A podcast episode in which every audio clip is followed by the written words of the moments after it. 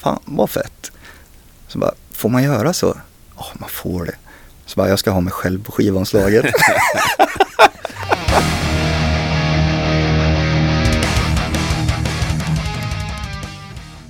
Nytt år och nya avsnitt av Rockpodden. Shit vad härligt att vara tillbaka.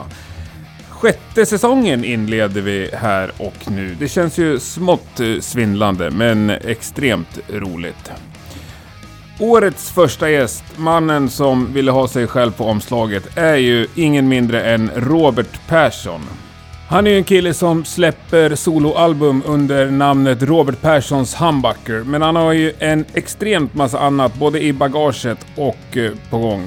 Han har ju spelat med Death Breath och Imperial State Electric och Dundertåget och Thunder Express och en hel rad med andra prylar. Allt det där och en hel del andra roliga saker kommer vi att snacka om i detta avsnitt som har nummer 111.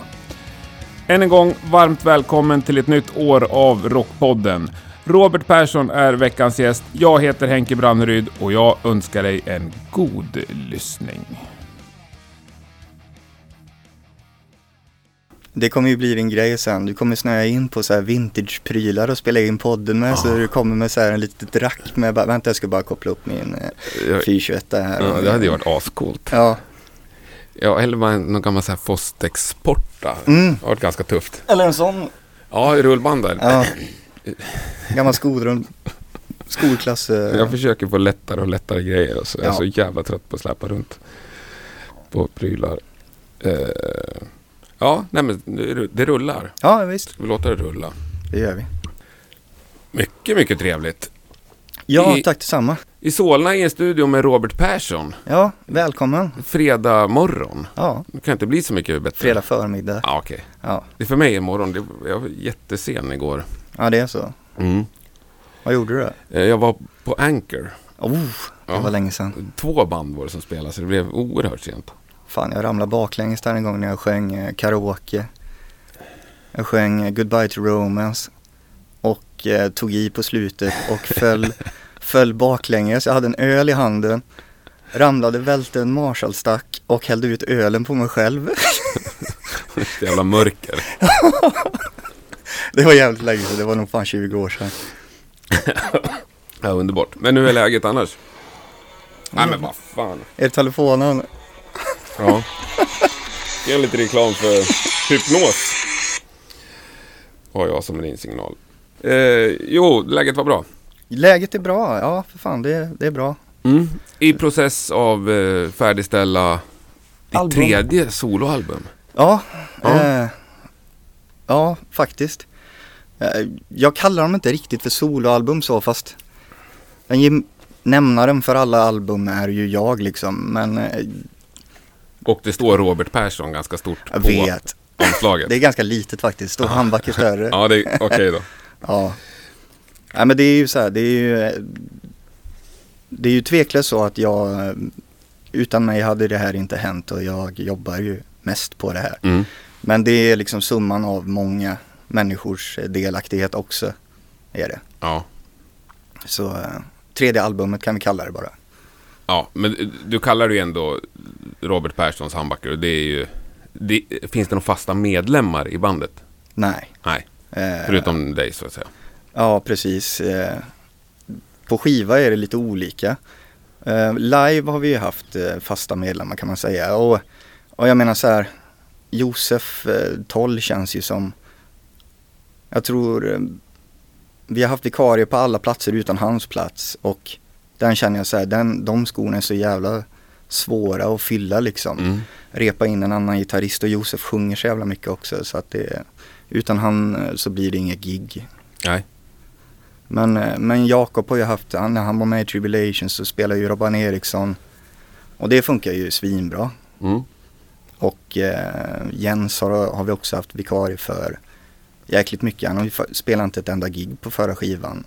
Utan då, Då är man nästan inte med i bandet längre. nej, Nej. nej han, så är det kanske. Ja. Förlåt Jens. Ja, Nej, men schysst. Du, du har ju en mäktig uppsättning trummisar på den, eller kanske du alltid haft? Ja, det, det har jag faktiskt haft. Ja. Eh, det har blivit så, men den här, Ja, jag älskar ju trummis. Jag blir svårt avundsjuk är det så? när jag ser den line-upen. Ja, Alltså, Nicke Andersson, Jakob Ljungberg, eh, Robban Eriksson och Thomas. och Thomas från Imperial ja. Ja. Eh, det är första gången som Robban är med.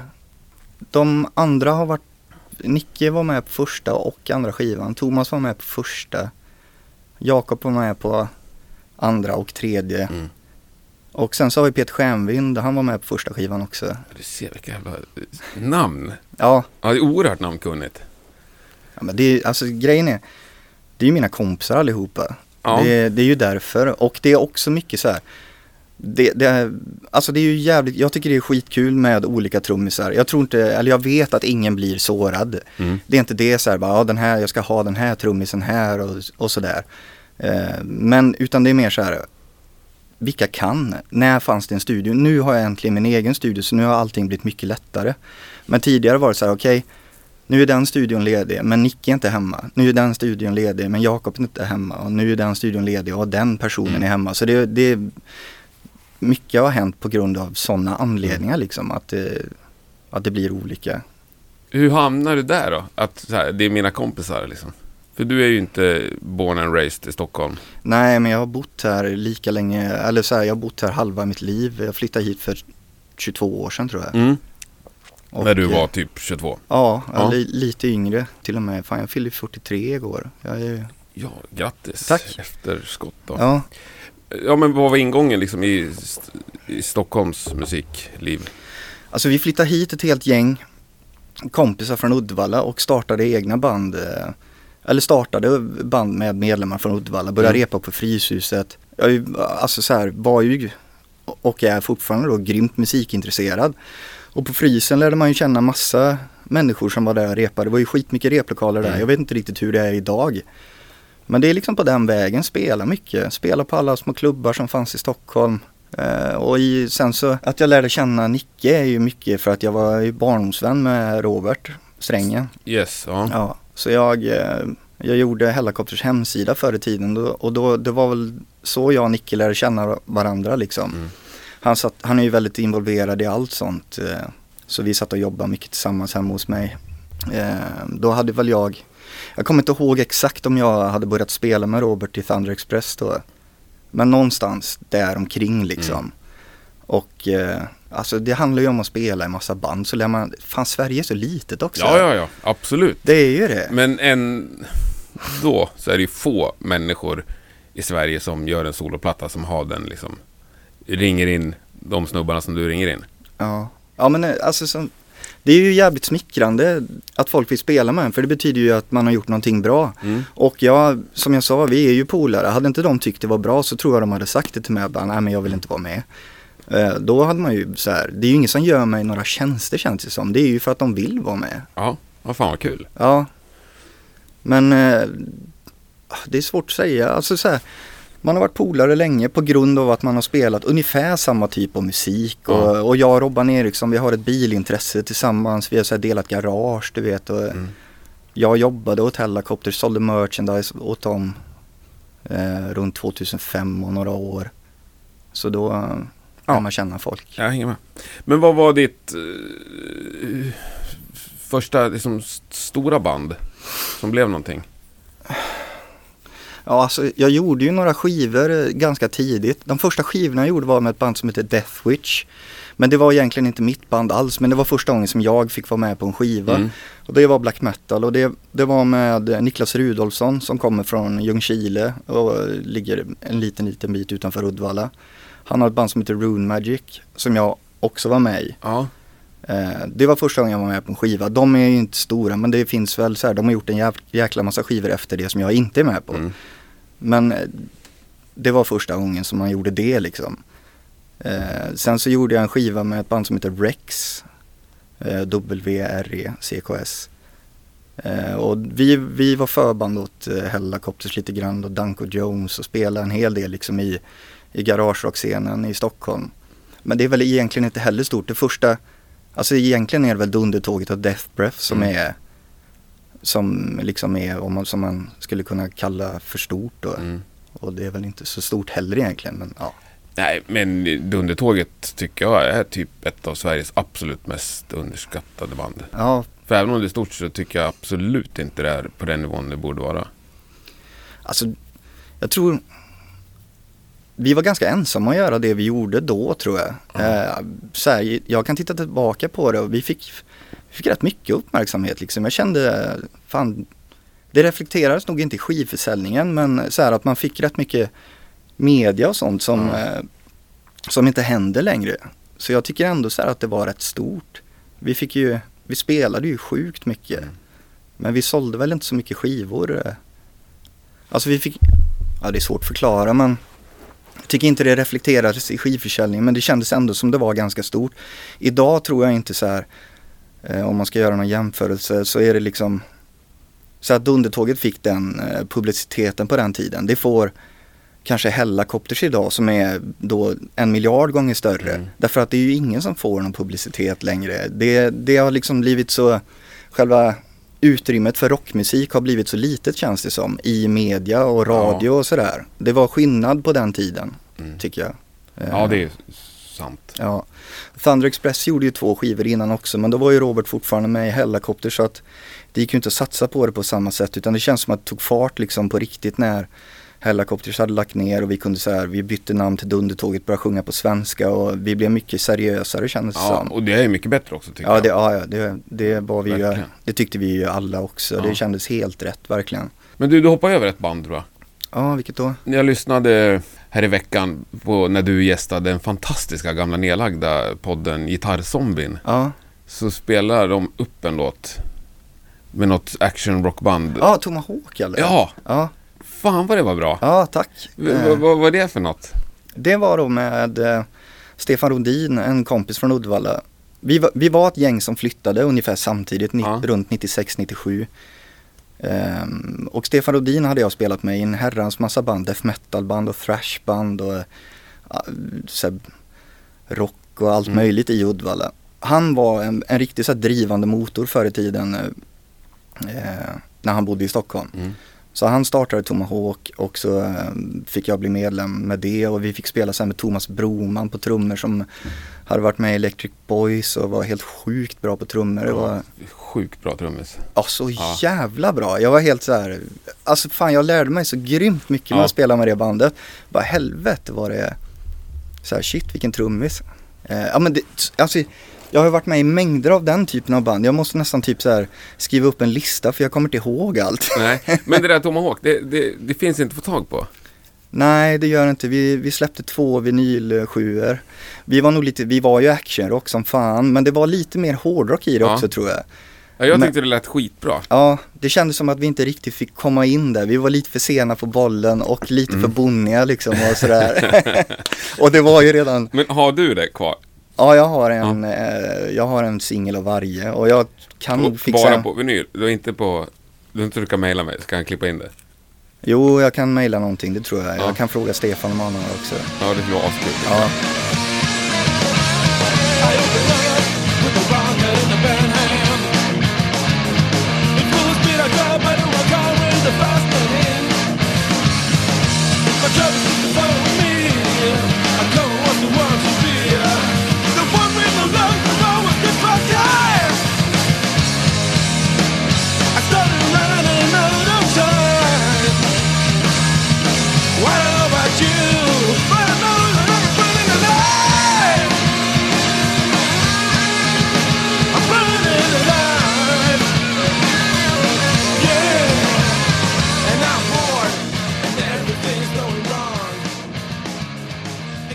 Vi spelade in det där själva liksom Ja. och så var det några amerikan nej kanadensare som släppte det. För de tyckte att det var jävligt fett med svensk eh, actionrock. Ja, det var ju. Det är det ju fortfarande. Ja, fan. Det, ju, det, det, var, det var nog mitt första bra band om man säger så. Där jag tyckte så här, shit det här låter fan riktigt bra. Mm. Vi är tajta och vi, så här, vi, gör, vi har rätt bra låtar. Alltså jag, ja, då menar jag rock. Jag tyckte mina så här, death metal band var rätt Mm. bra också. Innan det. Men du hade en ganska lång dödsmetallperiod i livet. Ja. Eh, det hade jag. Eh, Vad var ingången till det för dig? Metallica, alltså, Ja, eller hårdrock i allmänhet och sen sen Metallica och sen efter det så, så är det lite svårt. Jag kommer inte ihåg exakt vilket eh, det var in, jag kan säga att så här, ingången var ju inte Venom liksom. För det känns det som att jag var lite för ung för Ja. på något sätt. Utan det var nog snarare typ så här, Accept, Creator, eh, Mm. Slayer, eh, fan kan det mer ha varit? Sepultura tidigt Mm. också. Ja, För jag är ju, om du fyller år igår så är jag ett halvår yngre än dig typ. Ja, Och hade också en lång dödsmetallperiod. ja. Och- Bathory också. Det, det, jag Ja, du, snubblade på. du var på sånt hårt. Ja, Ja. Eh, ja men Bathory var en tidig, av en ren slump så fick jag tag på The Return skivan och den var ju helt makalös. Det var ju bara helvete vilket kaos. Mm. Och då ville man ju bara lyssna på den, den typen av musik och sen så hittade man lite andra death metal band. Um, Entomb, Dismember och, och sådär och då var det ju, sen var det skygglapparna på i några år liksom. Allt som inte var death metal var helt värdelöst. ja, jag känner igen mig oerhört mycket i det. Ja, Och det var liksom fiende, allt annat. ja Ja. det är så jävla roligt. Och, jag- och det är lite dumt så här efterhand kan jag tycka. Ja. För man missar så mycket som man får ta igen så här i efterhand. Ja, Och det är alltid mycket svårare att ta igen saker. ja än att jo. vara med när det händer. Det var typ så här. De banden som fick ur mig ur death metal-träsket var The Doors typ. Av alla Ja. band. Inget nyare sådär.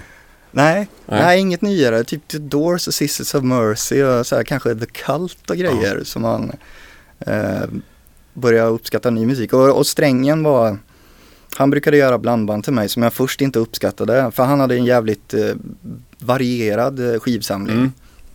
Han gillade hård musik också men han, han, han gillade ju, han hade inte skygglapparna på liksom.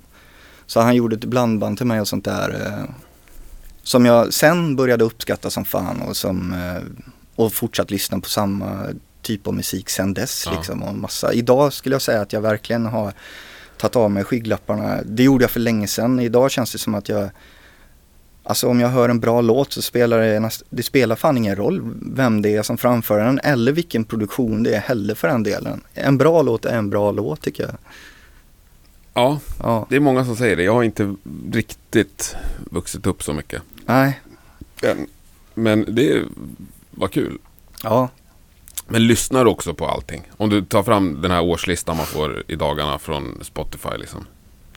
ja nej jag, alltså Är det någon musik på din topplista som inte har en riktig trummis till exempel? nej. Nej. Inte på topplistan eh, tror jag inte. Eh, det är det inte. Hur nej. ser den ut?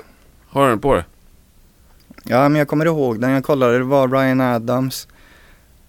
Eh, för jag lyssnar jävligt mycket på Prisoner. Sen så var Nasum på topplistan. Om man Det ser är de, hårt. de fem artisterna så var det Ryan Adams, Nasum, Black Sabbath, Rainbow och sen så var det Nada Surf också.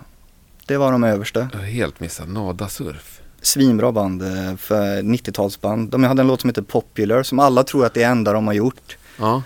I'm a quarterback, I'm popular. Kommer du ihåg den? Den var på MTV. Nej, jag tror inte det. Nej, De de hade de skygglapparna på då. Ja, det, men eh, bara för att förtydliga. Jag, alltså så här, jag hade det i ett par år men Ja. när jag hade flyttat till Stockholm 90, alltså de var av eh, typ 93, 94 redan Mm. faktiskt. För jag började spela hård musik när jag var jätteliten. Mm. Jag hade inte kommit till puberteten ens när jag var med i mitt första death metal band.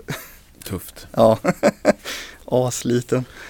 Ja, men det är ju coolt ändå. Du satt ändå hemma och lyssnade på Dismember och Entombed. Ja. Och sen så fick Och du börja Drave. lira med de grabbarna. ja, det var ju sjukt fett. Ja. Och Death Breath är ju också, det är många som drar upp det ofta. Mm. Att det borde fortsätta så att säga. Ja, eh, Och många tycker att det var sjukt bra. ja. Vi har ju faktiskt, vi spelar in en eh, tredje skiv, eller andra fullängdare blir väl. Eh, Jag brukar säga tredje för det känns som den här EPn är en Ja. skiva. För tio år sedan gjorde jag och Nicke en- den tredje skivan. Den har legat i tio år. Det är sång kvar och mix. Eh, Men det, har blivit, det blev ju så att så här. Dundertåget tog upp mer och mer av min tid. Och sen så eh, tog Imperial State Electric upp mer och mer av Nickes tid. Mm.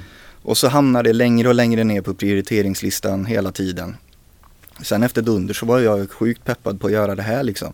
Och i- var, vare sig jag eller Nicke ville göra det om vi inte båda bara, men nu vill vi göra det. Och inte bara säga, ja men nu, nu gör vi det för att Får det gjort. Ja precis, men jag hade, jag, nu har jag inte dåligt samvete längre men jag hade jävligt dåligt samvete skitlänge för folk som skrev att de ville att skivan skulle komma. Jag kände mig dålig för att den inte kom. Ja. Men nu har jag såhär, men den kommer när den kommer. Jag brukar skämta och säga att den kommer när jag fyller 50 för då fyller Scott 60 och det känns lagom. ja. Men vad fan. Hur bra är den då? Den är svinbra, jag lyssnar på den kanske vartannat år och bara fan det här är bra. Och det, det är så skönt, det är, den kommer bara bli bättre ju längre den ligger tror jag. Ja, men vad roligt att få höra. Jag har faktiskt hört rykten om det, men jag hörde också att det fanns en liveplatta inspelad. Men det Ah. kanske är den här plattan som den personen blandade ihop med. Ja, det måste det vara. Nej, någon liveplatta finns det inte. Jag tror att det är en sån om P3 Live har läckt ut eh, och ligger på YouTube och sånt där. Men, eh, men vi har aldrig spelat in något. Nej, det är säkert den här plattan. Ja, Ja, men den kommer, någon gång kommer det. ja det kommer den göra. Ja. Det, det vågar jag lova verkligen. Ja, Coolt. Men hur, hur kom det sig att Death Breath bildades? ja det var när jag och Nicke satt och jobbade med eh, Hällakops hemsida så upptäckte vi ju att vi hade skitmycket gemensamt liksom i, i vår bakgrund. Kom också från att ha i princip ha, när man lärt sig spela gitarr så börjar man direkt spela hård musik. Och sen eh, så har man gjort det ett tag. Med, han är ju då några år äldre än mig, eh, två eller tre. Så hans, det är ju rätt stor skillnad i den åldern. Två, tre år när man är liten är ju rätt stor skillnad. Han, han, han växte upp med band som var lite, då var jag för liten liksom. Så då kunde han visa mig en del av de grejerna som jag hade missat. Plus att han var ju så jävla insyltad i det här. Och jag brevväxlade en hel del och så men inte i närheten lika mycket som han gjorde. Så han, i och med att han då hade hört att jag kom från en metalbakgrund. Eh, vi började snacka death metal och så hade vi båda läst en bok som hette, för mig den heter Choosing Death. Som var en av de första, tror jag i alla fall, böckerna som kom ut som handlade om grindcore och death metal. Det är ju då, vad fan kan det måste ju vara typ 15 år sedan nu eller någonting. Eller jag kanske tar i. Över 10 år sedan i alla Ja. fall. Nu finns det ju skitmånga böcker i Ja. ämnet. Men då fanns det inte så många. Och vi hade läst den båda två. Eh, ungefär samtidigt utan att vi visste om det. Så vi började prata om den boken och sen så bara fan. Så sa jag och han bara typ samtidigt att vi var så här. Jag skulle vilja spela sån musik igen. Så bara ska vi inte göra det?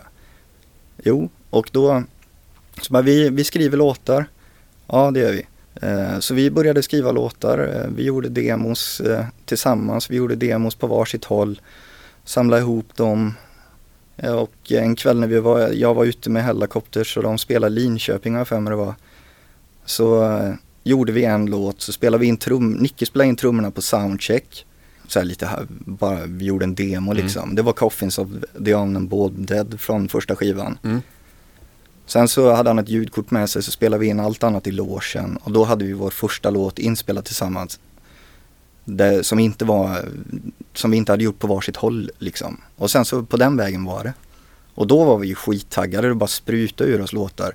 Jag blev, eh, så här, Nicke har ju alltid skrivit jävligt mycket men jag blev ovanligt produktiv också. För mig, jag är inte lika snabb som Nicke på att skriva låtar. Inte i närheten skulle jag säga. Men eh, jag fick gjort jävligt mycket. Jag blev jävligt peppad också Mm. såklart. Och så, ja, på den vägen var Mm. det. Jävligt coolt sätt att spela in musik på. Ja. Soundcheck och loge. Liksom. Ja men Lite- precis. Ja. Men sen så mm, när vi då mm, hade tillräckligt många låtar och lite mer än det så mm, letade vi upp en studio. Då tog vi såklart en analog studio. Mm. det är inte så vanligt längre. Var ni inte på Sunlight? Nej, nej. Nej, fan vi vill inte ha sånt. Vi vill inte ha, vi, Death Breaths influenser är amerikanska. Vi vill inte ha HM2-ljud och vi, vi vill inte ha Fast så. ni är ju där touchar, eller vad? Ja, många säger det, fast både jag och Nicke hävdar ju att det inte riktigt är så. Ja, nej okej, men det det är ingen milsvid skillnad. Nej, liksom. det är det ju inte. Nej. Naturligtvis inte. Det roliga är att jag tror att så här, jag var nog mer influerad av Entombed i mina låtar än Nicke. Någon gång så bara, nej fan det där är för mycket Entombed sa han. Fast det var en låt som typ Alex hade skrivit, så han bara okej, ja. jag hade kanske snott där. så jävla kul.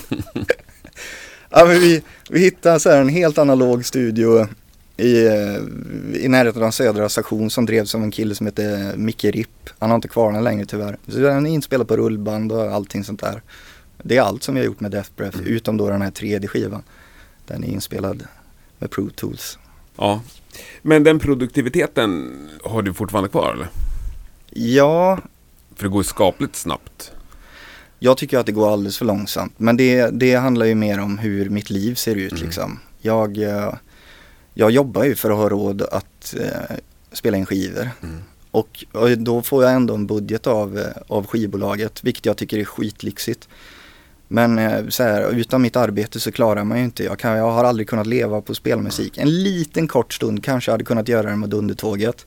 Men, eh, men jag har liksom aldrig haft den möjligheten. Men har du velat det? Egentligen inte om jag ska vara helt ärlig alltså. Faktiskt inte, så har jag inte jagat det. Alltså nu skulle jag väl vilja det, känns det som. För nu känner jag mig liksom tillräckligt förnuftig för att kunna göra det på något sätt. Så här. Eh, Men det beror nog lite på. Jag har nog aldrig velat, jag skulle inte vilja turnera så mycket som det skulle krävas. Alltså jag vet inte hur mycket det skulle krävas med handbacker. Förmodligen skulle vi behöva turnera 300 dagar om året för, för att det skulle gå runt.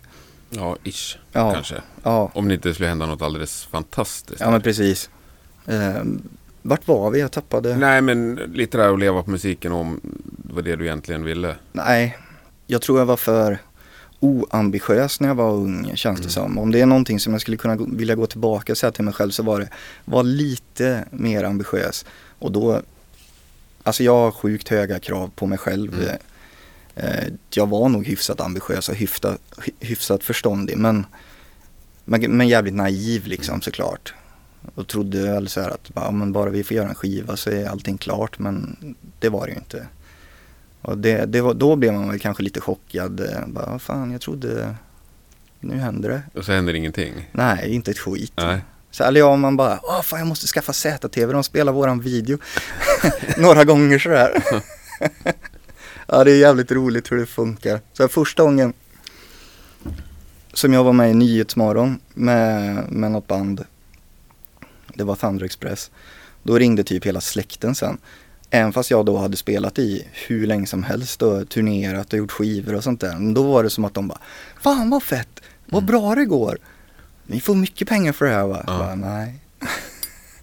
Ja, men på tv, det är stort. Ja, jag vet. Ja, framförallt för en lite äldre generation. Ja. Kanske.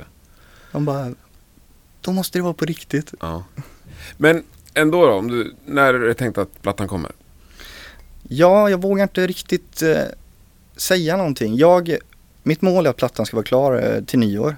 Mm. Och det, det ser Ja, ut... det är alltså om två veckor. Ja, det ser ut som att det, det, det kan gå. Nicke har lite grejer kvar. Jag vet att han är ute och spelar sjukt mycket. Men eh, jag tror att så fort han får en lucka så kommer han göra, han ska spela lite bas också. Eh, men sen så vet jag så här att Steffen på High Roller, skivbolaget, de har jättelång kö till vinylpressarna. Mm. Så det är lite beroende på hur snabbt det kan gå där. Ja, för det ska ut på vinyl. Ja, Annars släpper man ingen skiva. nej. Nej. Det gör man inte. Och eh, då vill man ju såklart släppa det samtidigt och inte släppa en CD-skiva först och så kommer vinylen sen. Jag tror att 50% av de som köper handbacker köper nog på vinyl. Ja. Ja, men vad är det för väntetid? Ett par, tre månader i alla fall? Nej det är mer, det är fan ett halvår alltså. Är, jag vet inte riktigt hur det funkar. Jag, jag gissar att de trycker hos någon som de har en deal med såklart. Men han har också förklarat och det har jag hört från många andra. Jag är inte ensam om den här grejen. Nej, nej. Det är många som får vänta för att det är som kö. Det finns ju inte, förmodligen finns det fler nu. Men det Eh, finns ju ett nystartat i Sverige. Ja, jag vet. I Göteborg. Ja, jag har hört talas om det. Sen så är det ju, handlar det också så här, okej, säg att den kommer prick sex månader från och med nu, så kanske det är någon annan. Då kanske det inte är ett bra läge ändå. Så där. Jag lägger mig inte Då är det riktigt typ upp. midsommar så här. Ja, Ja, halvsunket. ja men precis. Och då blir det september. Alltså jag vill ju ha ut det så fort det bara går såklart. Men samtidigt så känner jag så här, nu har jag, när jag är klar med skivan, då är mitt jobb gjort. Mm. Och då kan jag vänta lite sådär och så kanske den här gången kan, kanske vi till och med kan repa lite ordentligt, eh, hålla igång lite liksom eh, under tiden. För annars har det alltid varit så här att man har skjutit på det ända tills vi har vårt första gig och så panikrepa en vecka innan. Men är tanken ändå att ni ska ut och turnera och sådär? Ja, alltså turnera vet jag inte.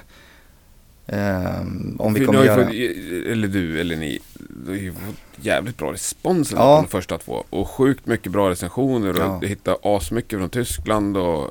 Jo, det har varit mycket. Alltså hade vi bort i Tyskland tror jag vi hade kunnat spela jättemycket. Ja. Eh, I Sverige känns det som, vi får festivaler och sådär runt om i Europa och i, och i Sverige får vi också festivaler. Vi får inte så mycket klubbgig här i Skandinavien.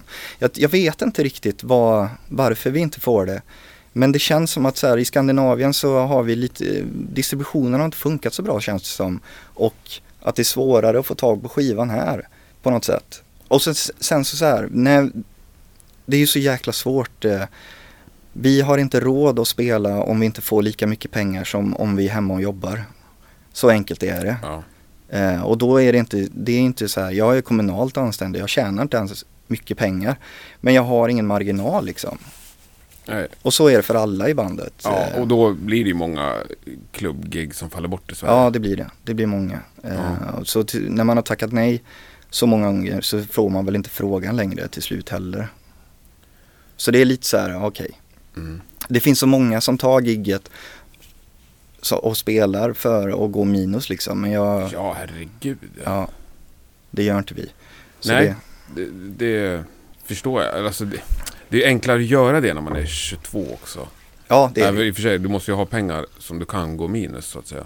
Ja, jo men det är enklare att, att leva lite vind för våg om man kanske inte har ett eh, men du vet ett lån till banken för någonting och bla bla bla Ja, och det sådär. Nu måste pengarna in. Ja. Nej, men det är en jävla svår balansgång det där, Ja, tycker jag. Sätta pris på sig själv och inte sälja sig billigt liksom samtidigt som... Det var ju Lucia igår. ja, Och då snackade jag med bandet som lirade igår på Anchor. Att förra året på Lucia, då var det ju norska trion från Trondheim som heter Bokassa som lirade. okej. Och de, deras nästa gig i Sverige, det kommer ju bli på Ullevi som förband till Metallica. Shit, är det sant? Ja, och de, jag snackade med dem då, förra året på Lucia. Alltså, jag vet inte, jag ska inte avslöja vad de fick i betalt, men Nej, vi har väl ett hum om vad det är för pengar vi rör oss med på Anchor liksom. Ja. Det är inte så att, ja, det är väl max en av flygbiljetterna från Trondheim du kan betala med logen. ja, Med gaget. Eh, men de, äh, vi tyckte att det kändes som att det var värt det liksom. Och så Ja. kommer de dit hur jävla trevliga som helst och kliver upp och kör ett svinbra gig liksom. ja, Som är, ja, i deras fall, ja det är klart. Uppenbarligen, de har ju säkert gjort det på fler ställen så att säga. De Ja. har ju kört ganska hårt. Och lyckas skapligt. ja, ja. Ja. Det är skitsvårt. Samtidigt har jag full respekt för band som inte gör det. Nej, det, Som vill ha betalt för sitt jobb så att säga. ja men man är ju tvungen, det är så. Så det gör det hela enklare. Så här, att bara, ja, men det går inte. Så enkelt är det. Sen så, alltså jag skulle önska att man kunde få lite mer helggig runt om i Skandinavien. Mm. För, för sp- spelningarna i Tyskland, de har betalat sig. Sådana här fly-in-gig liksom och sånt. Mm. Men man skulle ju vilja, det känns som att vi inte riktigt har nått till våran potential med Humbucker live. Vi skulle, jag skulle vilja spela mer, du vet, kontinuerligt sådär. Eh, och jag har ju behövt bygga upp mitt självförtroende som frontman också. Under, för jag har ju inte varit, eh, jag har liksom inte stått i mitten tidigare. Eller jag, inte på jävligt länge i alla fall. Nej. Så det har varit den biten också. Först var, tänkte jag så här, vi ska inte spela live överhuvudtaget. Det var liksom inte på kartan att ha ett band ens en gång utan det var mer så här, jag vill bara göra det här. Det är en slump hela jävla bandet faktiskt. Mm. Att det blev av. Jag hade, det började av, av en slump och jag fick skivkontrakt av en slump också. Eh, Jo men det är sant. Jag hade, jag hade gjort Nick och Fred var skyldig, Nick och Fred var skyldig mig en tjänst. Så då fick jag spela in två låtar i deras studio. Och eh, de la jag ju upp eh, på, jag kommer inte ihåg vad man la upp dem då, MySpace kanske. Mm. Och det var på det som jag fick eh, skivkontraktet. Och då var jag så här, ah, men kan vi inte göra en singel? För då höll jag på att säga, jag visste att jag skulle hoppa av det undertåget. Jag kommer inte ihåg om jag hade gjort det men jag, jag skulle göra det i alla fall. Och jag hade, jag hade vickat en del med Imperial State Electric. Och så tänkte jag så här, vad fan ska jag göra nu då? Ja, men jag kanske ska göra någonting med alla låtar som jag har som inte har spelat in. Och jag kanske kan göra en vinylsjua. Och så fick jag istället ett erbjudande om att göra en hel skiva. Då blev jag lite skraj först för bara, hur fan ska jag lyckas göra det här på egen hand? Men så tog jag mm, utmaningar liksom. Och på den vägen är det. Så det var egentligen inget beslut så här, nu ska jag skapa mitt eget. Nej, helt, eh, helt ärligt så var det inte det Nej. utan det blev så. Och att det heter Robert Perssons handböcker det är för att Nicke la till Robert Persson, han gjorde en logga och så skrev han till det och jag bara Fan vad fett. Så bara, får man göra så? Ja, man får det. Så bara, jag ska ha mig själv på skivomslaget. Här är underbart. Men första giget då? Du sa att det var ingen tanke på att det skulle ens bli live sådär. Nej. Första giget var i Uddevalla. Fy fan vad nervös jag var. Men det var ändå ett gig som du upp, sökte upp så att säga. Ja, det var det. Vi, eh, Då hade folk sagt bara, du måste ut och spela. Och jag sa nej. Och sen så till slut så, tänkte jag men jag måste utmana mig själv och göra det också. Se om jag löser det här liksom. Och, och se om jag kan få ihop ett band. Mm. Och då frågade jag Josef om han ville vara med i bandet och det ville han. Och så frågade jag Jens från, som jag hade spelat med i Dundertåget jättelänge. Och sen så hade Josef, kände han Jakob på trummor. Och så testade vi repa och det kändes skitbra med dem. Direkt, verkligen. Och då kände jag att ja, men det här är ju kul, vi gör det. Och sen är det ju skitkul. Eh, det var det, men det har alltid varit så jävla nervöst. Jag är sjukt nervös innan vi ska spela. Eh, och där, vad säger Uddevalla, jag skulle varit någon Men vad annanstans. fan, jag tänkte säga det, jävla dåligt att välja gamla jag hemstaden. vet, skitklantigt. Jag typ kommer inte ihåg Du giget. kört liksom Düsseldorf eller Motala. Ja, jag vet. Alltså, Jag vet. ja. ja, ja, men hur gick det då?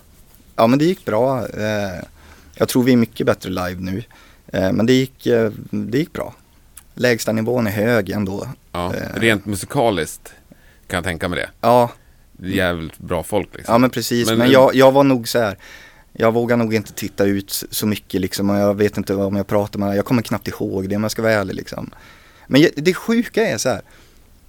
Jag vet någonstans inombords att när jag är på rätt humör då är det inga som helst problem för mig att vara frontman. Jag kan kommunicera med publiken och du vet så här vara, vara vitsig och naturlig. Mm. Men sen andra gånger så kan jag vara bara, det känns inte rätt liksom och då säger jag inget. Men så är man ju tillräckligt, jag har ju spelat så pass länge att jag man får ju liksom fejka sig igenom det då om det inte känns, om jag är så här nervös hela tiden liksom.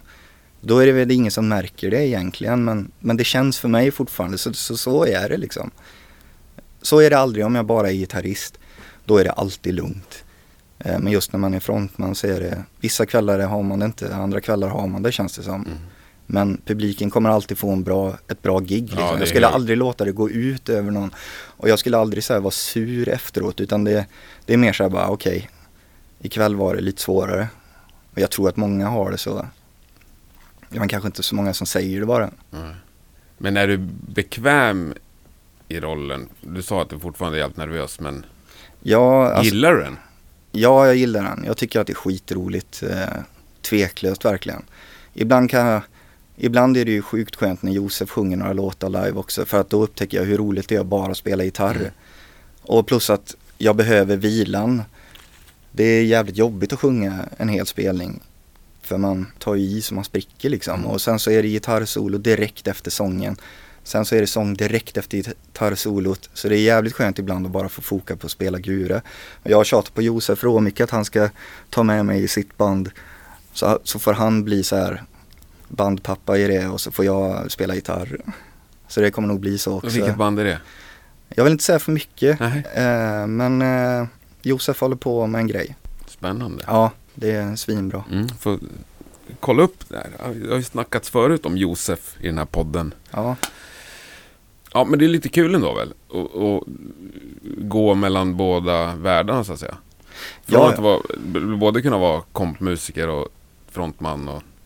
ja det är det ju. Jag tycker ju att det är värsta lyxen. Mm. Och eh, alltså så här, jag har roligare när jag spelar musik nu än jag har haft på jättelänge. Det har jag verkligen känt de senaste sex åren så här. Speciellt med handbacker. Bara fan vilken lyx det här är ändå. Och eh, det är rätt skönt att ha ett, ett vanligt jobb. För det är ingenting som så här. Det är okej om det inte går så bra. Så. Jag, kommer, jag och Nicke har sagt det många gånger att vi kommer ju så här. Även fast man inte får, tills man inte längre får skivkontrakt eller någonting Mm. så kommer man ju ändå spela in musik. Mm. Kanske slutar med att man bara sitter och så spelar upp det för varandra. Men man kommer ju fortfarande vara lika, "Bara, har du hört här? Kolla jag använder den här pedalen här och bla bla bla och bara, åh fan vad fett.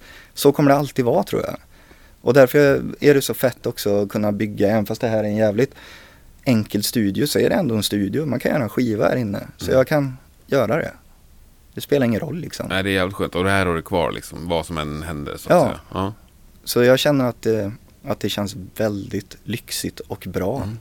Och det är också kul att, att liksom få komma ut och spela och det är också jävligt kul att få vara i studion och spela in. Mm. Och eh, liksom göra låtar, samarbeta med polare på låtar du vet. Mm. samla det i under antingen handbacker eller om det är under det som Josef gör eller om jag spelar med, med liksom gästar på Imperials skiva eller de gästar på min skiva och sånt där. Allt det, jag tror inte någon skulle gjort det om vi inte tyckte det var jävligt roligt. Nej, jävla fina sammanhang. Ja, men just det där med samarbeten. Får du mycket frågor som du tackar nej till? Ja, jag, jag fick det ett tag och jag var tvungen till att tacka nej. Eh, till jättemycket faktiskt. Till exempel? Jag blir tillfrågad att spela i lite band eh, och hoppa på om jag kunnat eh, hoppa in på en turné och såna här grejer. Jag minns att de frågade mig om jag kunde vara med på en turné med Grave. Bland annat. eh, Tungt att tacka nej till. Ja, men det var jag liksom, det var, det var länge sedan i och för Ja. sig. Alltså typ, det finns några som jag inte tackar nej till. Eh, som så här, jag skulle alltid ställa upp och spela med Imperial, eh, alltid liksom. Eh, men eh, och också så här, kan du, vill du vara med och göra de här grejerna i den här studion eller vill du, kan du gästa på den här? Och då, jag gör det alltid om jag kan liksom. Men, men det är också så här tidsmässigt och att jag vill verkligen foka på det här. Så jag gav mig själv ett, ett break och så här, nej, jag, jag vill inte, för jag vill hålla på med det här bara just nu. Men nu, ja, fan, det känns som jag snurrar bort mig i frågan men. Nej, Nu- det var jag som ville ha konkreta svar bara. Ja, jag vet. till. Ja, fast jag vill inte säga det. Nej, det är nästan ingen som vill. Nej. Men det känns taskigt också. Ja, jag vet. Ja, Det behöver inte göra. nej. Men ett tag så spelade jag ju med en herrans massa olika band. Mm. Man åkte på olika gigs och sådär. Det var någon sommar när jag typ hade en repertoar på 60 låtar i huvudet och spelade med fyra band eller någonting. Jag var sjuk hela tiden för jag var så jävla stressad. Jag skrattar jag, men ja. Det ja. Men, Men, men, du ja. lirar bara gitarr? Du är liksom 100% gitarrist? Ja det är. Alltså jag All- kan spela bas och trummor eh, skapligt. Jag kan spela trummor så jag kan göra mina egna demos. Mm. Och, Men har du spelat bas på scen någon gång till exempel?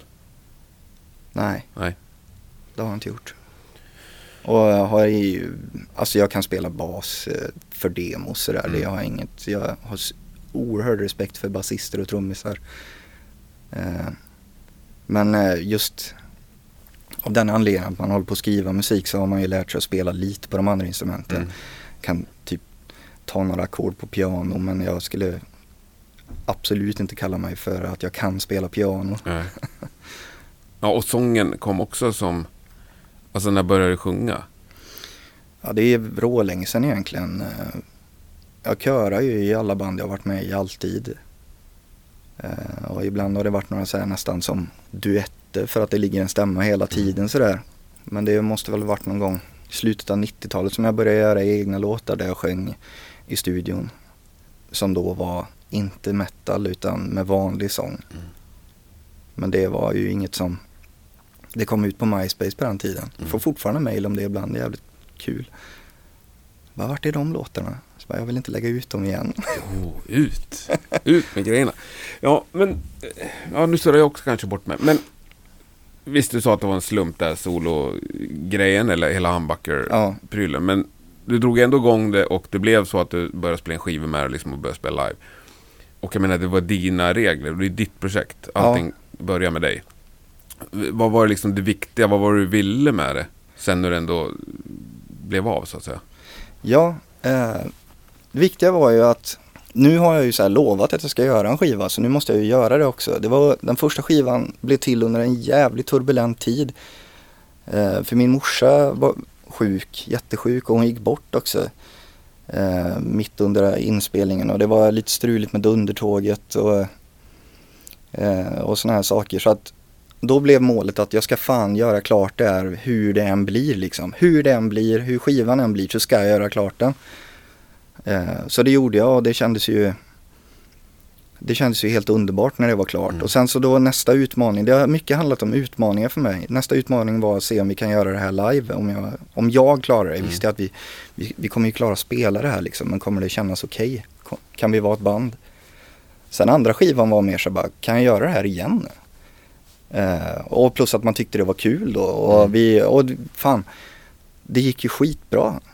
Och sålt rätt bra liksom eh, om man om man ser till, till genren och sådär.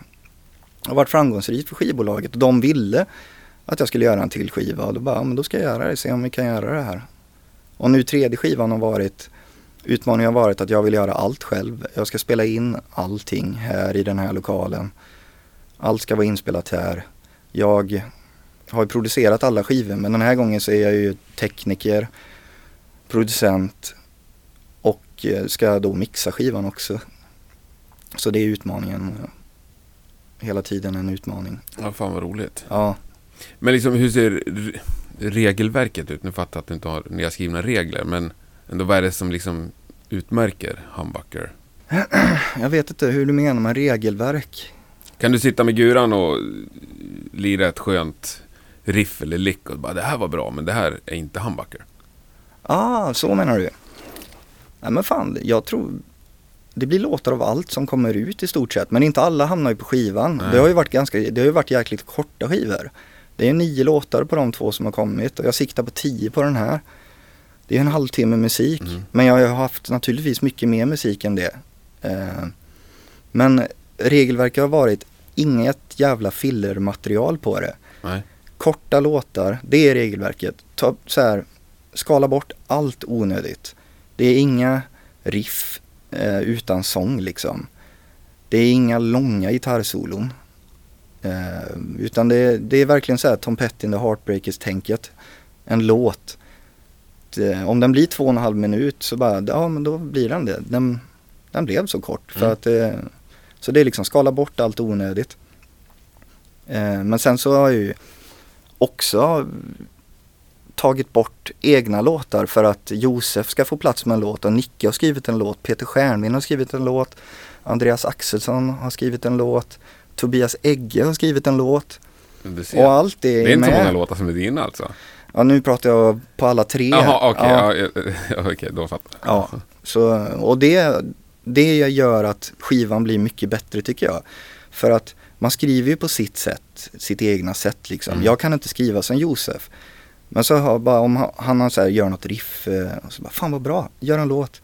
Och så gör han det och så får jag ha den på min skiva. Och så, likadant med alla andra jag räknar upp, det är så jävla mäktigt och skivan blir bättre av det känner jag. Det blir liksom, det blir mer variation. Och, Mm. Och det, är- det är roligt också. Ja, jag tycker det låter så jävla underbart. Ja. Lyxigt liksom. Alla, Ja, det är rålyxigt. Det är det alla verkligen. samarbeten bara hors, Ja. härs och tvärs liksom. Det, det ser jag som en jävligt stor eh, eh, ynnest liksom. Mm. Och eh, att de, att de så här, fan vilken generös gest och vad fint att de Mm. litar på att det ska bli bra. Eh, och det, det ska det ju bli. Ja, äh, fan vad roligt. Du, shit vad tiden går. Ja, jag vet. Det är underbart tycker jag. Det är mycket tråkigare när jag inte gör det. Ja. Nu ska jag ta fram, jag har förberett lite. Ja. Ja. Jag ska ta en ny snus. Nej, vi kanske har, har, har dragit. Jo, men det här. Om jag påstår att du är en extremt kompetent gitarrist och sångare och musiker. Mm. Vad, vad har du vad har du lagt mest tid på? Spela gitarr. Ja. Ja. Och, och om vi, vad har gitarrspelare lagt mest tid på? Lä, alltså så här, jag var kom, lära mig kompa riktigt bra. Eh, det känns som det var den vägen det började på. Var liksom så här, jag var jävligt inspirerad av James Hetfield och Malcolm Young-skolan. Mm. Riktigt feta gitarrister känns det som. Oerhört bra skola. Ja, det är ju det. Högerhands... Ja, Ja. det, det var min melodi. Eh, så det, men spela gitarr det är ju det som jag har gjort Mm. absolut mest. Eh, Tveklöst. Sen så blir man ju nyfiken på att sjunga och vill testa det och sådär. Kan jag göra det. Men har du några så superkrafter när det kommer till gitarrspel? Har du någonting som du själv skulle säga att är din liksom... Ja, alltså jag tycker att jag är bra på att om jag spelar med en annan gitarrist så tycker jag att, ja, jag tycker jag är skit, bra på att arra gitarrer. Mm. Eh, Så till, om man spelar med en annan gitarrist så tycker jag en styrka är att få det att låta som en stor gitarr. Och eh, båda får, får plats i bandet. Båda får känna att de säger fan vad fett det här är. Och ingen behöver känna sig som att nej jag måste ha mycket lägre eller jag får inte vara lead-gitarrist. Men arra gitarrer, det, det känner jag är en styrka. Och så tycker jag att jag är rätt bra på kompa fortfarande också. Mm. Men då låter det som att du trivs nästan bäst med en till gitarrist. Ja, det är jag. Tycker det är roligt. Aldrig trio-soundet. Jo, det har ju varit också definitivt. Men jag känner så här, ja det, det, det kan väl bli en utmaning. Det är, alltså det är fan svårt att sjunga och spela samtidigt. Eh, hinna med allt liksom. Mm. Och just, man får aldrig en paus. Och om man skulle vara trio så skulle det vara så ännu mer. Det är jävligt skönt att ha en gitarrist till. Att man så här ibland kan få vila i versen. Och jag tycker också att det blir större dramatik. Ibland så spelar inte jag i verserna. Eller jag spelar jävligt enkelt. Liksom. Josef får ta alla komplicerade kompsaker liksom. Så kan jag inte spela i versen så kommer refrängen och så blir det större. Så det, ja, jo jag gillar två gitarrister. I, med Imperial har vi till och med varit tre gitarrister och det är också sjukt roligt. Eh, då kan man spela lite som man vill. ja, fast samtidigt jävla massa folk att förhålla sig till. Jo jag vet, Ja. men då har ju så här, Tobbe och Nicke har redan sina grejer helt så här skrivna och klara. Och så, Du kan Bara, bara lyxa. Du kan spela så här. Så, så, Nicke sa någon gång bara Ja men du kan spela så här fast du kommer ju ändå spela som du vill. Bara, Ja, ja, fy fan vad roligt. Jag blir så jävla avundsjuk. Det måste vara så jävla kul. Ja det är fan Och kul. just alltså jag älskar Imperial. Ja det är jag med. Ja. Vilket jävla liveband. Ja, ja, jag drar alltid upp dem. Senast förra veckan tror jag jag snackade Ja. om det. Liksom det är, jag tycker det är måttstocken. Ja, ja det är fan en hög måttstock. Eh, det, det, de, Jo, men- de lägger ribban högt. Mm. Nej, de är jävligt bra. Ja. Det är så jävla coolt när man blir äldre.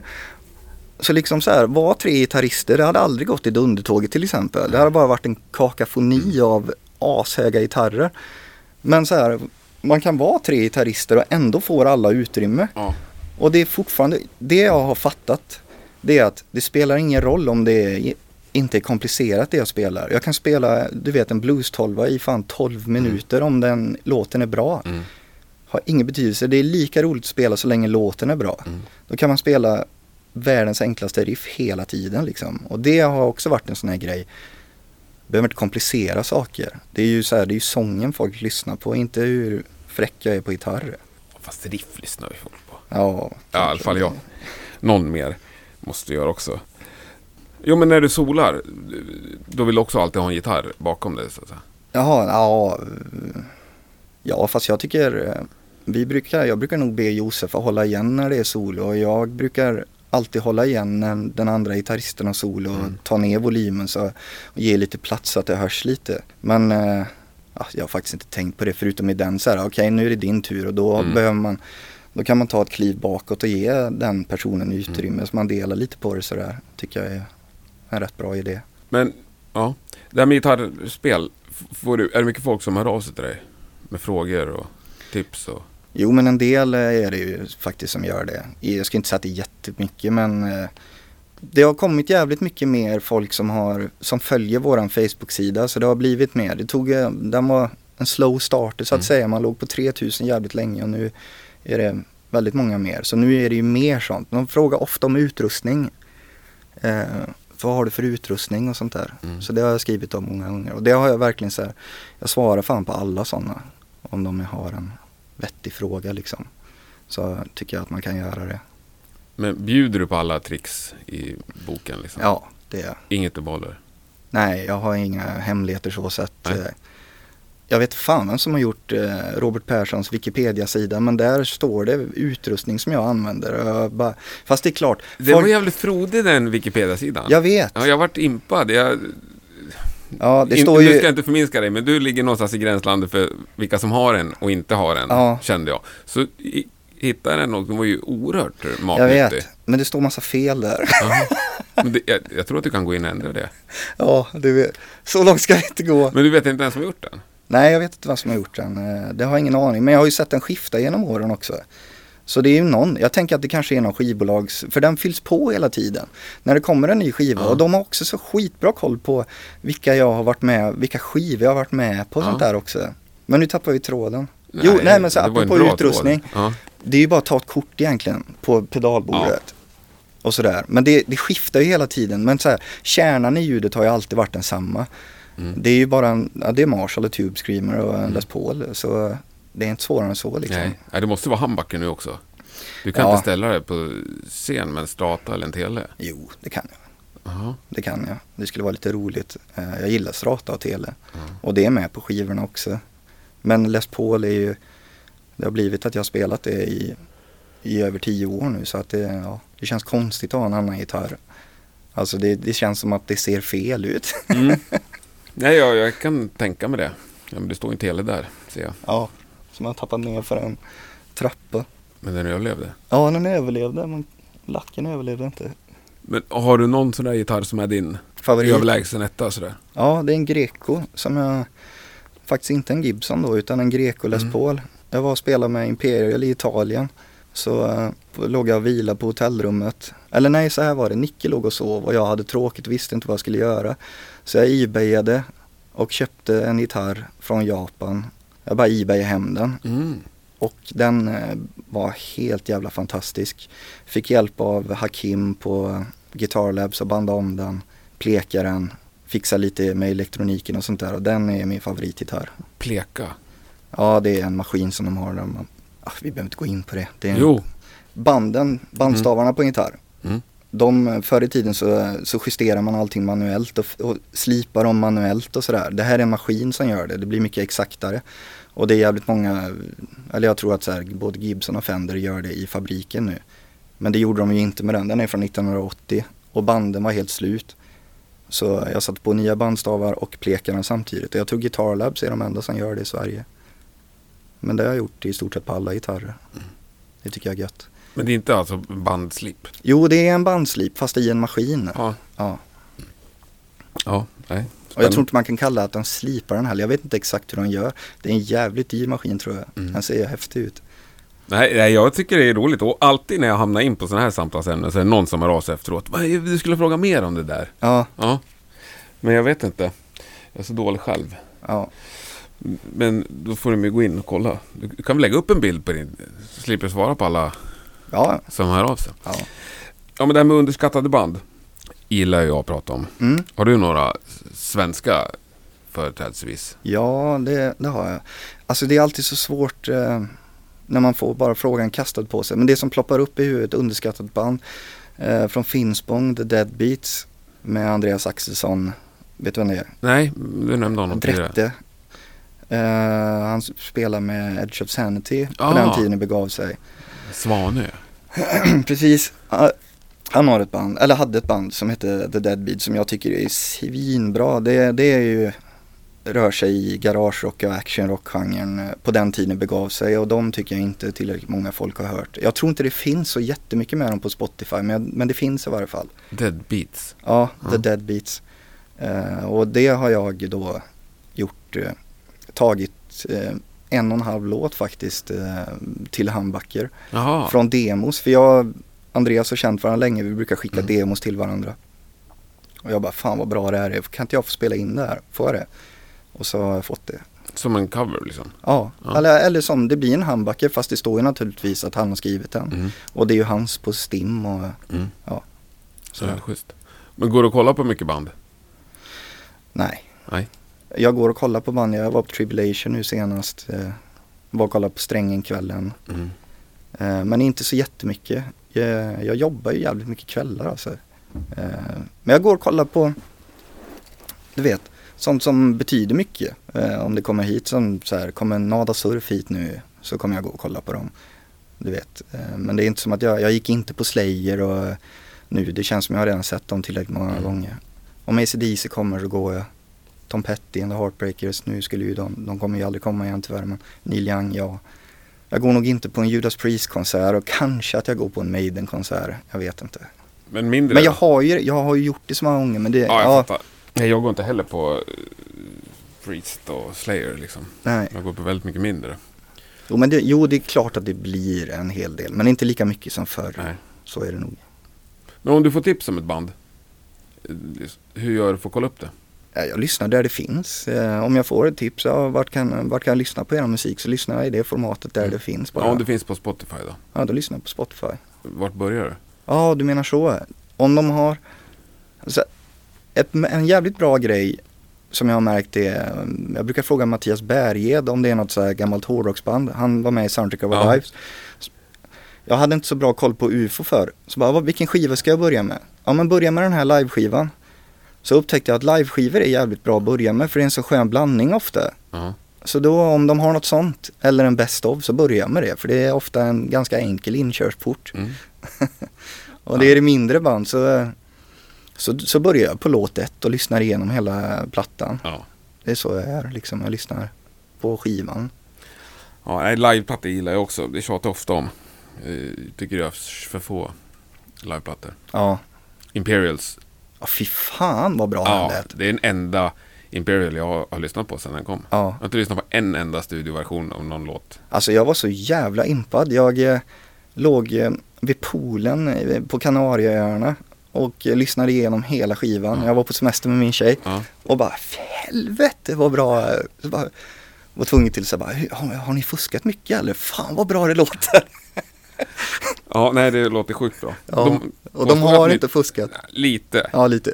Erkände Egge Ja. framför mikrofonen. Ja, men men han det sa var att det var lite- väldigt lite. Ja. Men just så här med liveskivor är ju det är så jävla svårt att fånga ögonblicket. Alltså så här, man kan ju stå och titta på en konsert. Det är samma i tv-sända livegrejer. Mm. Står man och tittar så är det grymt. Man är där, man har det höga ljudet och allting. Mm. Det är inte alltid det översätter igenom formatet. Utan då hör man alla små missar och hål och fel Mm. och sånt där som man skiter i i det ögonblicket man står där. Det är ju därför man lagar lite. Ja, ja. Och det tycker jag är fine. ja. Och jag, jag älskar det där att man kan gå bet så att säga. Ja, Eh, eller när du blir det själv, om du spelar in ett rep så här. Ja. Jag tycker det har så jävla skön känsla. Sen lyssna på det efteråt så kan Ja, vara ja, ganska visst. värdelöst. ja, ja för fan. Jag spelade ju in Strängenkvällen. Ja, du gjorde det? Ja, Ja. jag hade ju med mig grejer, för Ja. jag intervjuade bandet innan. Ja. Så de bara, "Ah, fan kan inte du lira in när du ändå har prylarna med? Bara, Så gjorde jag det. Ja, Det var ju jättekul att lyssna på efteråt. ja. Fortfarande skitbra, men jag fick en helt annan känsla jag kan tänka mig när det. jag lyssnade på det. Ja. Eh, Stökigare eller? pass. Ja. fan.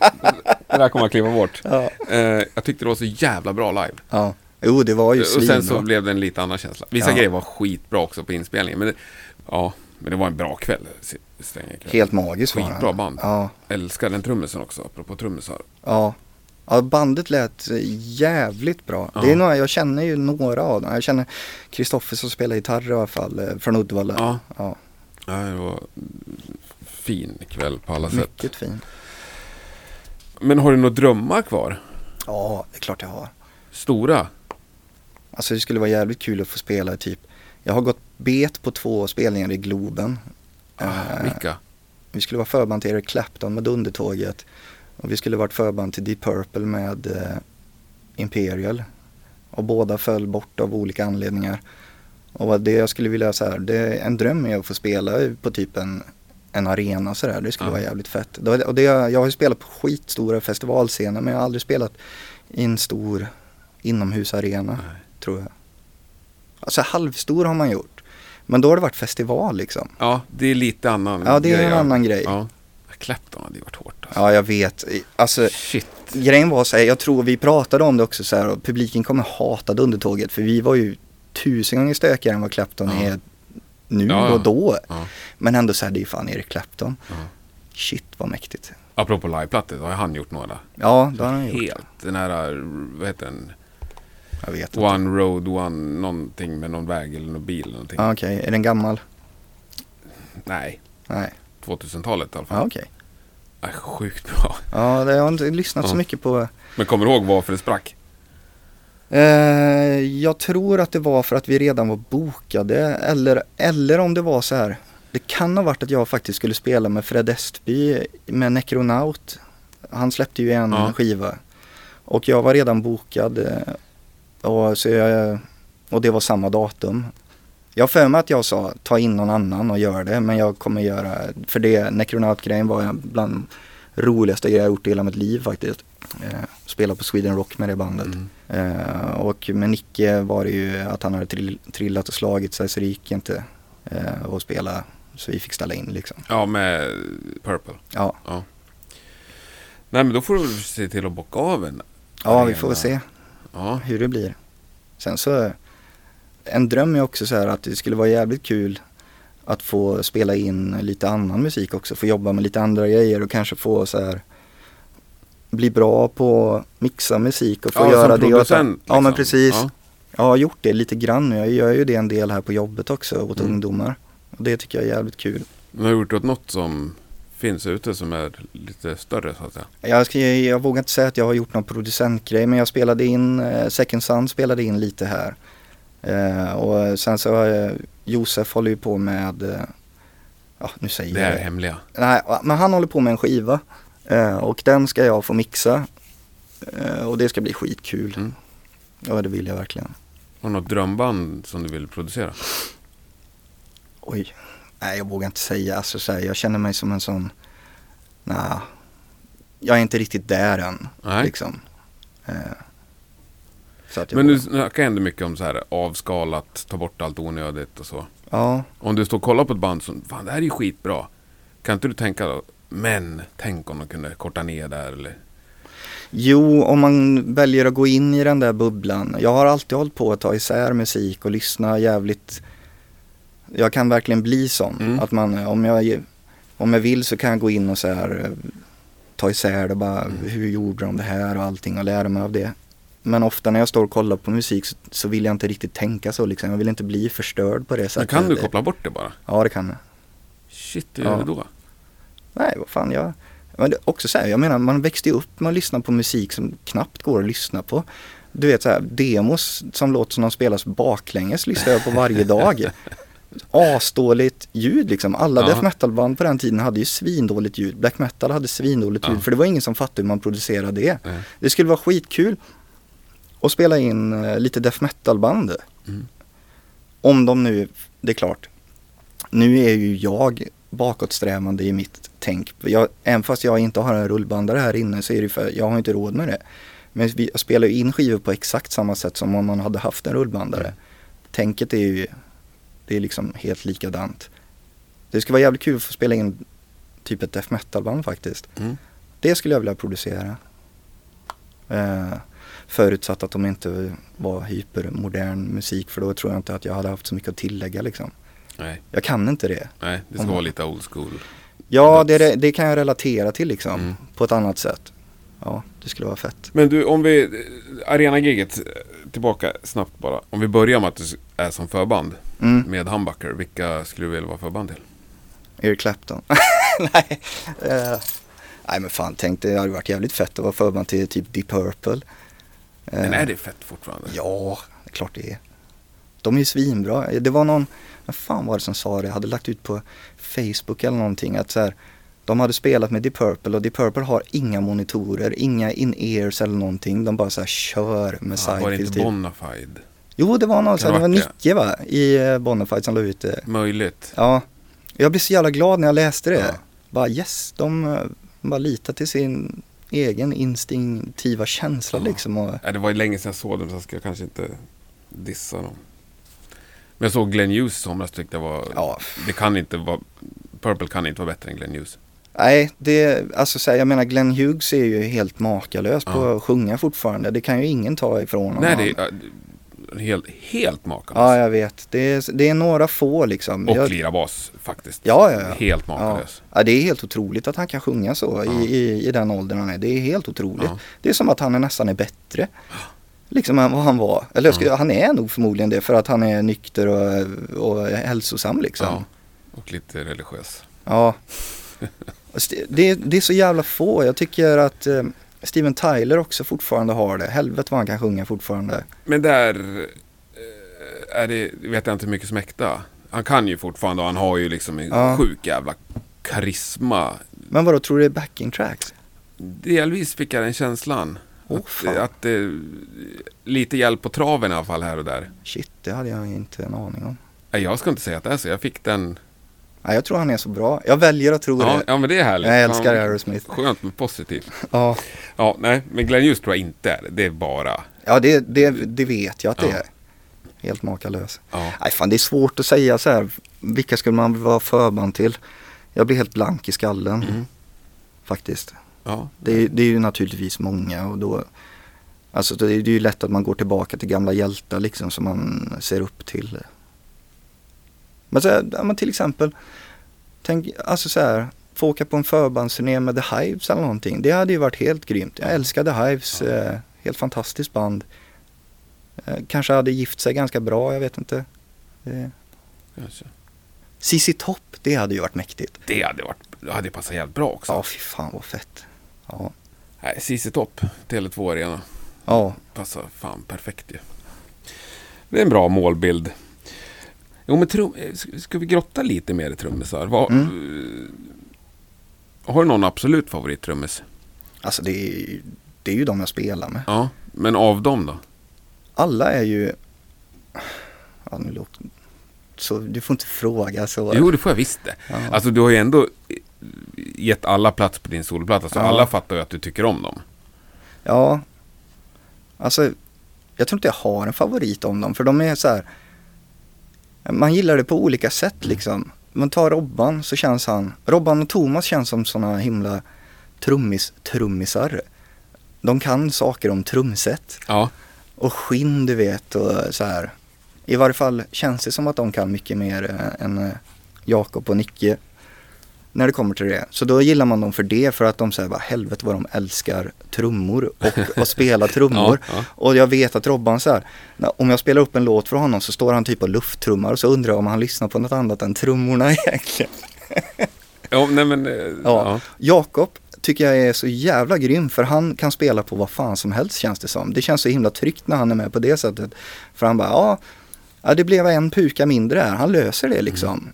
Och eh, är jävligt teknisk och väldigt enkel att jobba med så sätt. Det är ju hans styrka. Och Nicke är så här, Nickes styrka är ju att han är, han är jättesnabb eh, på att vara stilsäker och höra låten och lyfta den eh, så här. Det, det vet, man kan lita på det så här, ja ah, shit han, han fattar det här.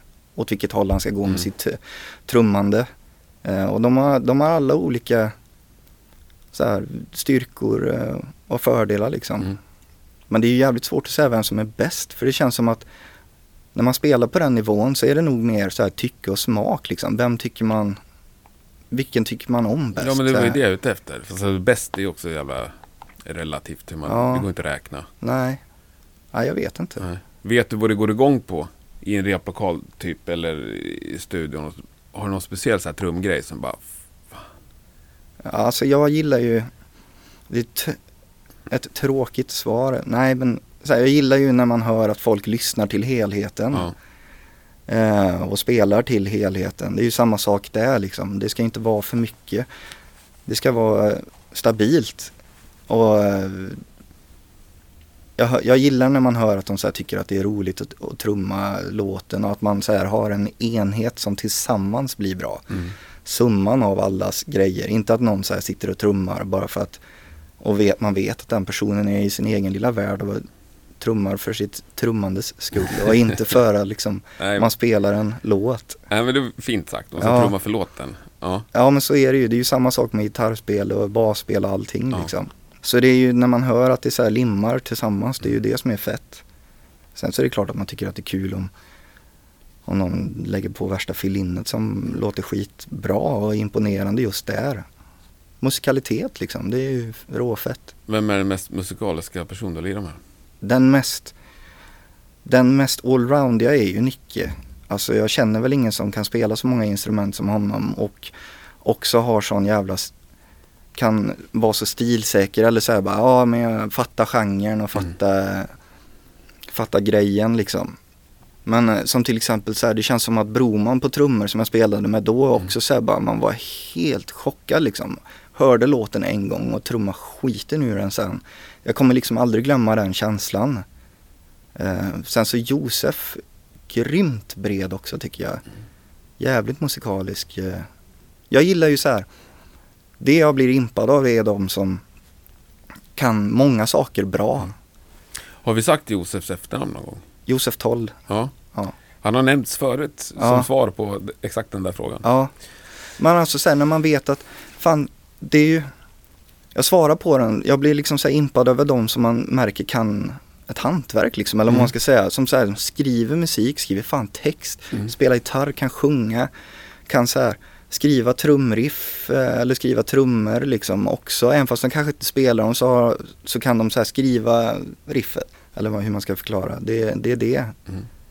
Sen så har man ju blivit blown away av folk som också bara rent så här, som till exempel Mats Rydström spelar bas. Han spelade med oss en gång. Mm. Och man bara helvete vad han är bra på bas. Mm. Vilken jävla tyngd det blir helt plötsligt i basspelet. Eh, det är ju det är också råmäktigt. Ja, det var ett bra svar. Ja. Vi summerar lite. Men du, jag måste fråga som gitarrnörd. Ja. Om du ska säga så. Vad är det för relation till Yngve?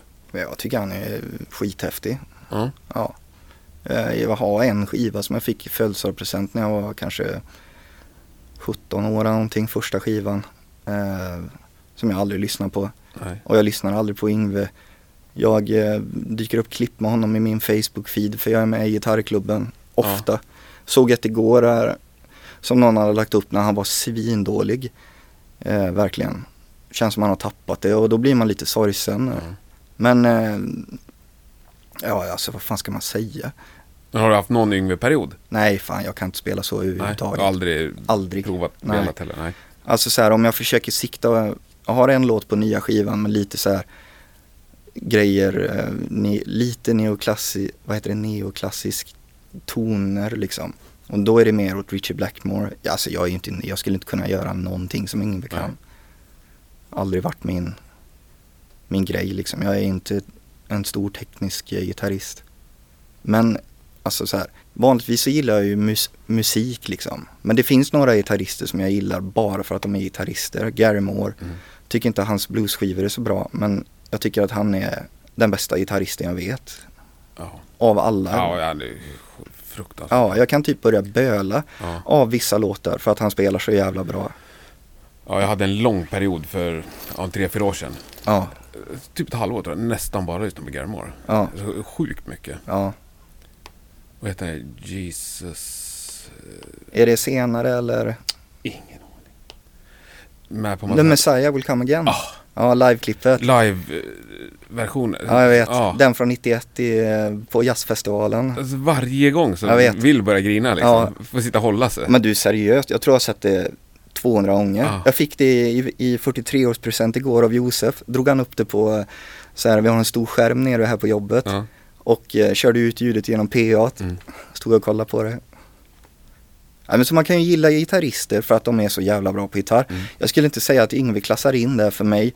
Eh, fast jag skulle ju säga, alltså full respekt och jag menar han är ju one of a kind verkligen. Ja, Ingen kunde ju, och han har Nej, han har ju skapat en egen, ett helt universum. Ja, Liksom. det finns ett jävligt coolt klipp tycker jag när de spelade in, vad heter han?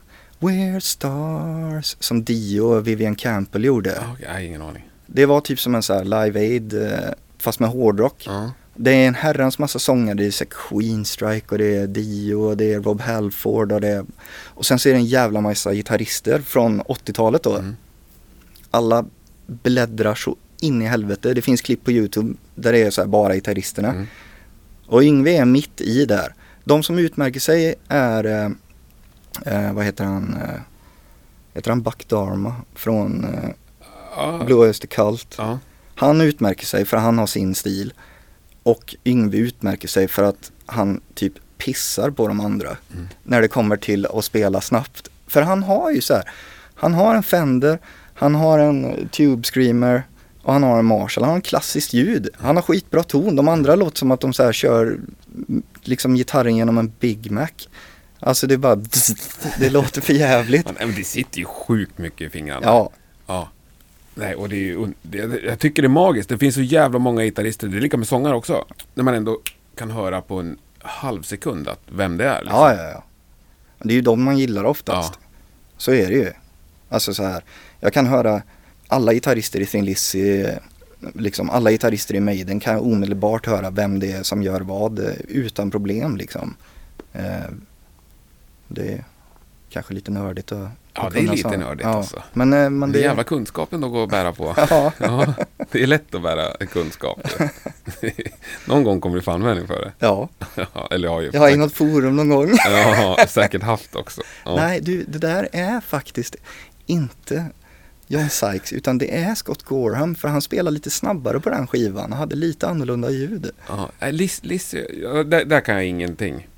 Nej, Men det, jag tänker ju en del på Lizzy när jag lyssnar på Humbucker. ja jo det är klart. Det, de har ju varit en influens. Mer, Mm. mer på första skivan än vad det är nu känns Mm. det som. Känns som att man har lite större bredd på det nu faktiskt. Och, ja, det är egentligen ett svart hål för mig, Lizzy. Vart ska Ja. jag börja? Live and Dangerous. Ja, Ja. Nej men det, fan, det är ju ett jättebra band. Mm. Det, är- det är otroligt bra. Alltså, alla rätt för mig.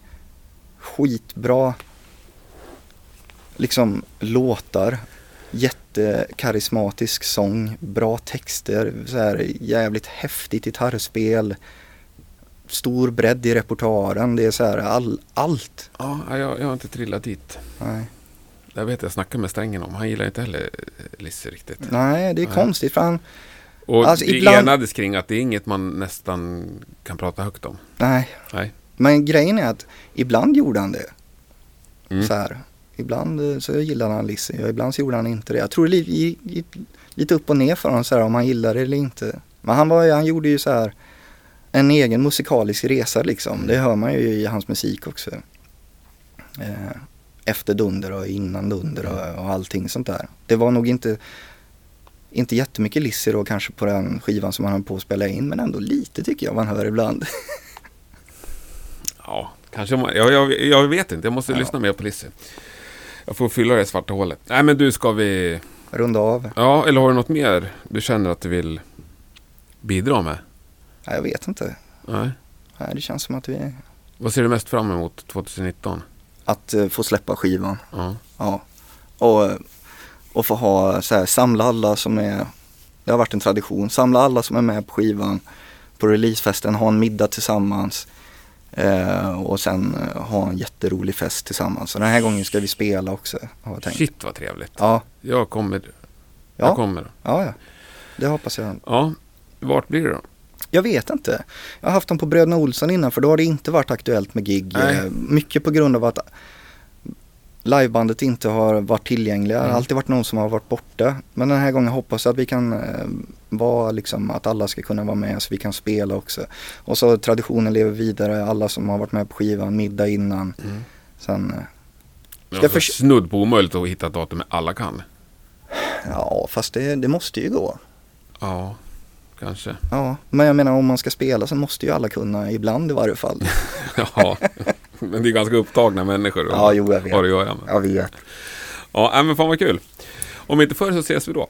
Ja, Ja, grymt trevligt att träffa dig. Ja, detsamma. Tack Ja. eh, verkligen och eh, tack för visat intresse. Ja. Ja. Det var Även inget. alla som lyssnar på podden.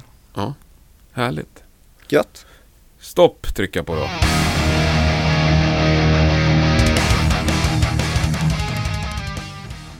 Det där var det hela. Stort tack för att du har lyssnat och stort tack Robert för en mycket, mycket trevlig pratstund. Vill du stötta Rockpodden lite sådär passivt så följ oss gärna på sociala medier. Vill du vara lite mer aktiv så går du in på patreon.com rockpodden och eh, skänker en slant där.